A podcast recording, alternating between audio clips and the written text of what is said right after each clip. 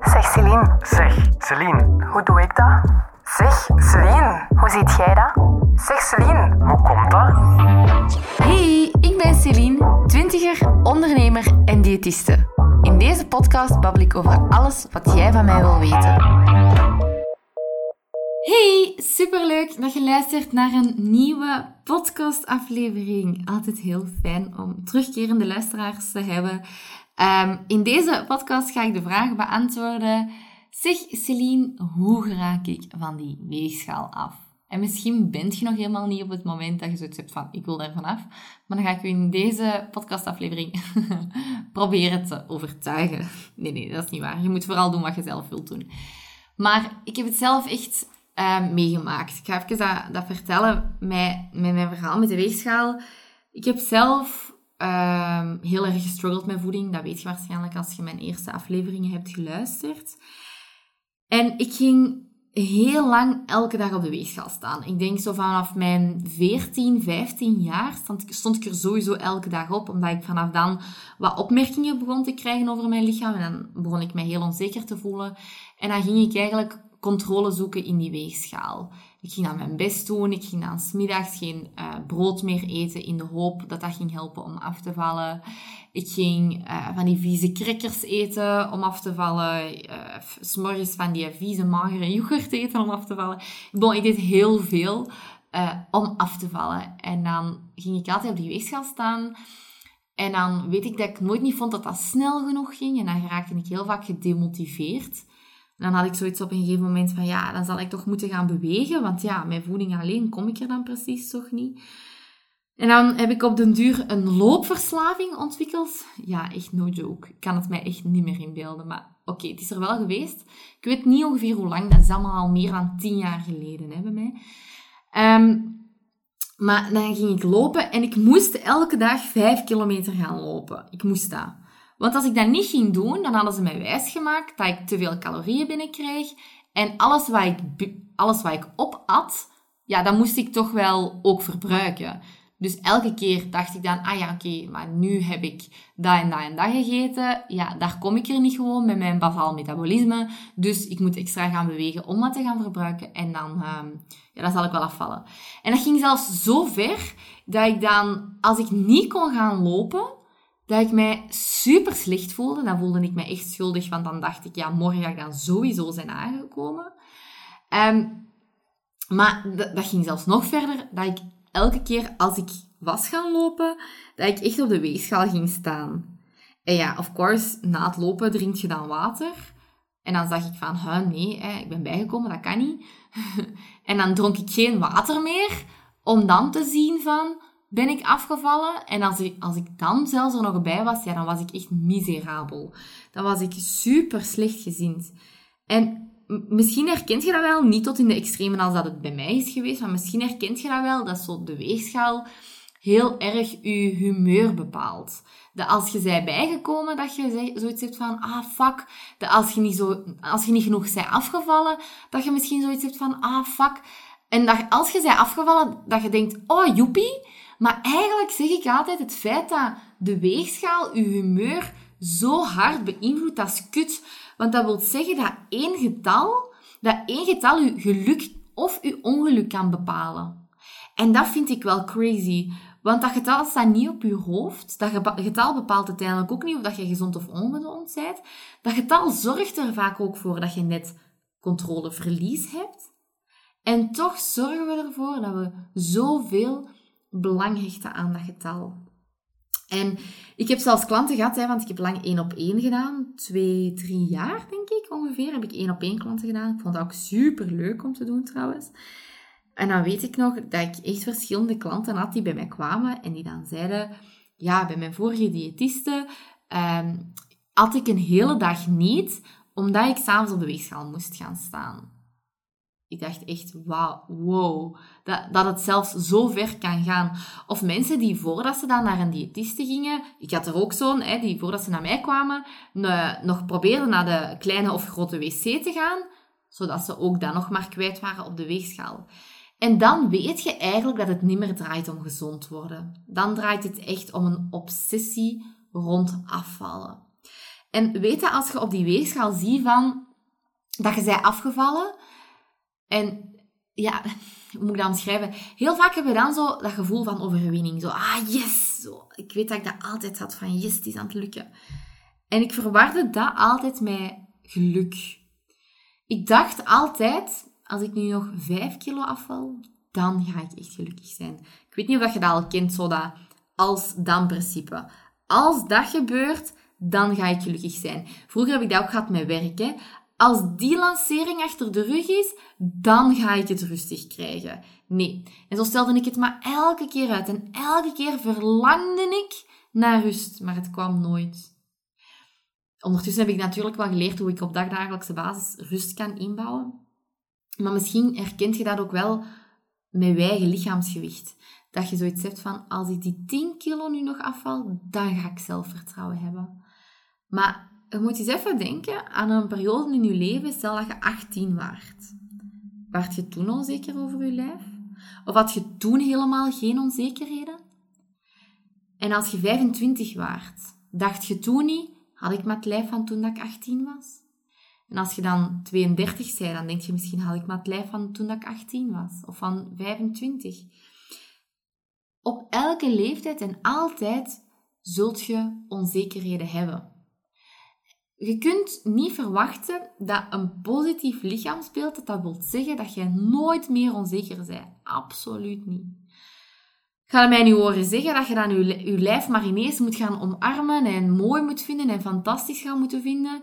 Nee. Want ik weet dat dat misschien voor u wel een brug te ver is. En daarmee gaat je eigenlijk heel vaak meer afkeer krijgen dan dat je mensen gaat helpen. Dus dat zeg ik nooit.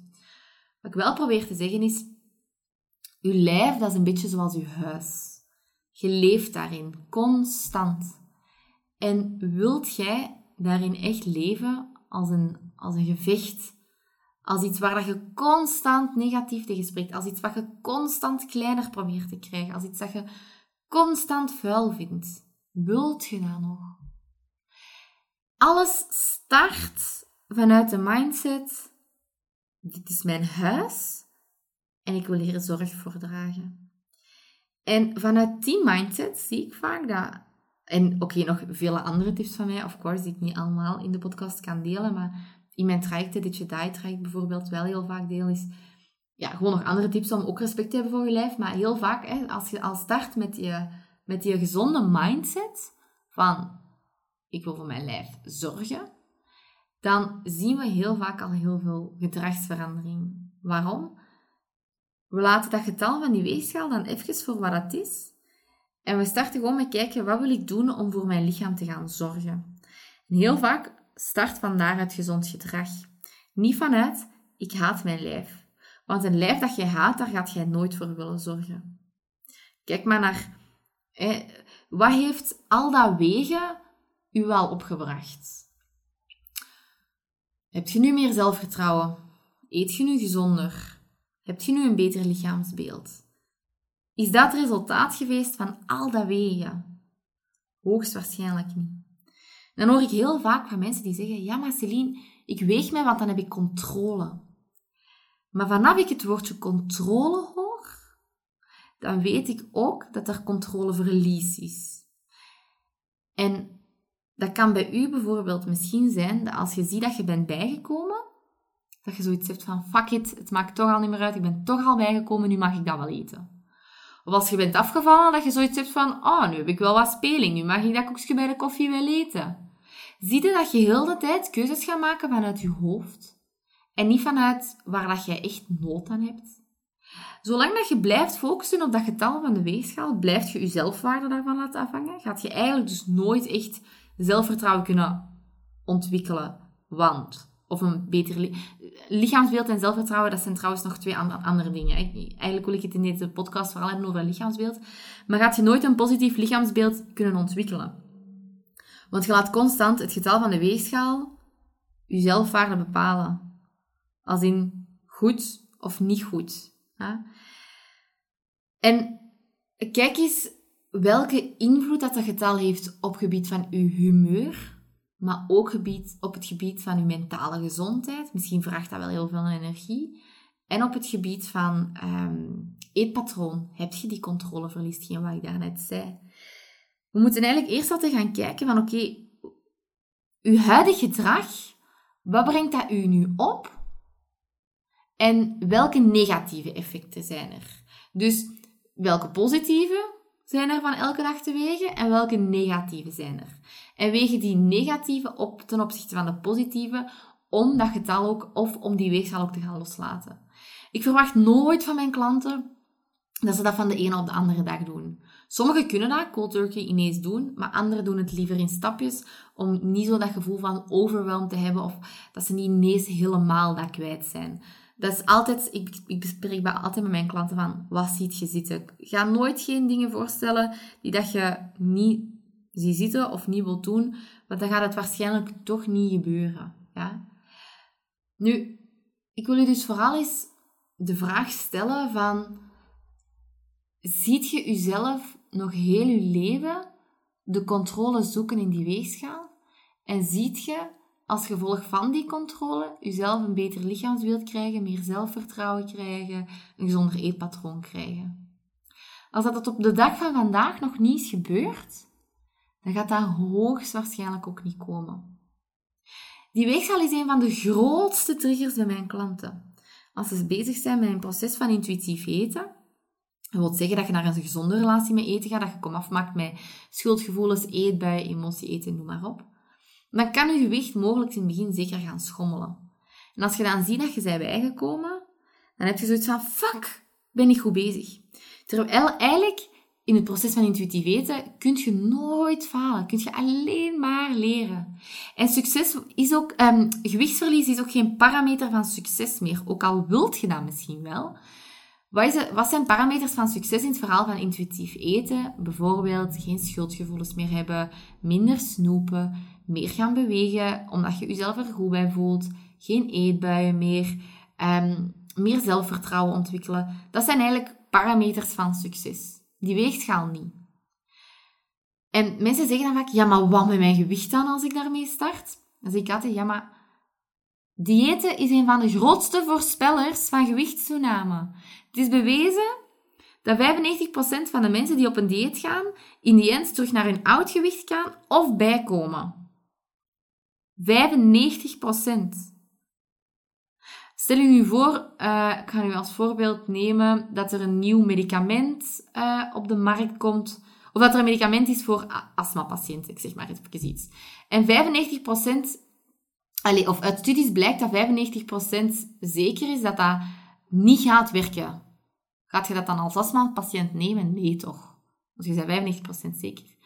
Maar why the fuck blijven we wel allemaal naar diëten grijpen als wij eigenlijk uit wetenschappelijk onderzoek, uit heel veel grootschalige studies, zien dat het niet werkt.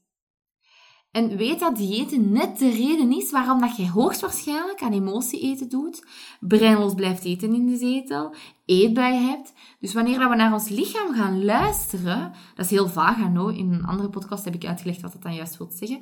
Um, maar wanneer we naar ons lichaam gaan luisteren, dan gaan we net heel vaak bewust worden van ons gedrag. En dat snoepen, die eetbuien, emotie eten, gaat allemaal afnemen. Dat, zijn de dat is ook effectief onderzocht. Dat zijn ook de bewezen resultaten van intuïtief eten. Dus weet dat je gedrag nu vaak in stand gehouden wordt, net omdat je vaak op die weegschaal staat. En dat het gedrag zou verbeteren wanneer dat je minder controle gaat zoeken in de weegschaal. Nu, heel veel mensen vinden dat eng om op zichzelf te gaan doen. Als je naar deze podcast zit van, amai, ik ga dat eens proberen. Laat mij dan zeker weten, want ik hoop het dat ik je daar gemotiveerd tot toe krijg. En anders, als je er nog verder hulp in zoekt in mijn Ditje Diet traject, leer ik je dat ook stap voor stap allemaal, hoe dat je dat kunt aanpakken. Uh, want het is ook gewoon wel eng en dat herken en erken ik ook. Ik heb het zelf ook meegemaakt. Ik ben nu ondertussen een jaar zonder de weegschaal, zelfs al langer. Uh, want we zijn november als ik de podcast hier aan het opnemen ben. En ik ben sinds juli vorig jaar verhuisd, dus dat wil zeggen al een jaar en een paar maand. Dat ik effectief, dus sinds dat ik verhuisd ben, ben ik er nooit meer gaan opstaan. Ik heb wel een weegschaal in huis, maar die is niet van mezelf, die is van mijn mama. ik heb die afgepakt van haar. Uh, omdat zij er nog wel regelmatig ging opstaan en ik daardoor ook nog dieetgedrag uh, erkende. Ze vraagt hem af en toe terug, maar ik heb hem nog niet teruggegeven. Ik hou hem zo lang mogelijk hier. Ik denk ook wel dat de batterijen plat zijn. Geen idee, want hij staat dus in de kast. Maar dus, ik weet ook voor mezelf dat dat een enorme trigger zou zijn. Dus ik heb ook zoiets van, ik, ik ga mijn eigen dat niet aandoen. Om daarop te gaan staan. Want ik wil niet dat mijn humeur daardoor beïnvloed wordt. Ik wil niet dat ik daar constant over ga nadenken. Dus ik, het is voor mij echt een beschermingsmechanisme om er niet te gaan opstaan en met te blijven focussen op gewoon gezond gedrag. En ik merk ook gewoon als ik bijkom aan bijvoorbeeld mijn broeken. Bijvoorbeeld nu zit ik in zo'n periode waarin ik ben bijgekomen. Want ik heb ook gewoon opvallend meer gesnoept. S'avonds pak ik sneller naar chipsjes. Um, nu de chocoladepepernoten op kantoor liggen er. Dus ik ben ook gewoon wel wat meer aan het snoepen. En dan is dat daar een resultaat van. En dan voel ik van, ah ja, oké. ik ben precies aan bijkomen. Dat is trouwens niet erg, hè. Bijkomen is niet het ergste wat je kan overkomen. Bij mij is dat dan een reflectie van, ah ja, is er iets veranderd in mijn eetgedrag? Aha, inderdaad, ik ben meer aan het snoepen. En dan ben ik mij daar bewust van. Ben ik dan bewust terug bezig met afvallen? Nee, maar ik ben dan wel bewust terug bezig met mijn eetgedrag. Ja. Trouwens, gewicht wordt niet alleen beïnvloed door je eten. Hè.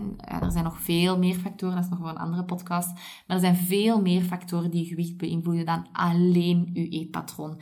Je kunt dat een beetje vergelijken met een puzzel. Je hebt 100 stukjes en je eetpatroon is daar één puzzeltje van.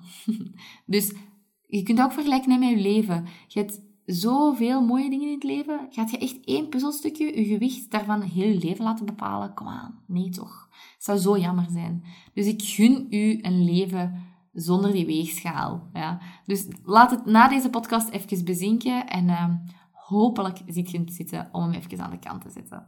Of voor altijd. Dat mag ook. Alright. Merci om naar deze podcast te luisteren. Dag mij zeker in uw story als je hem gemaakt hebt.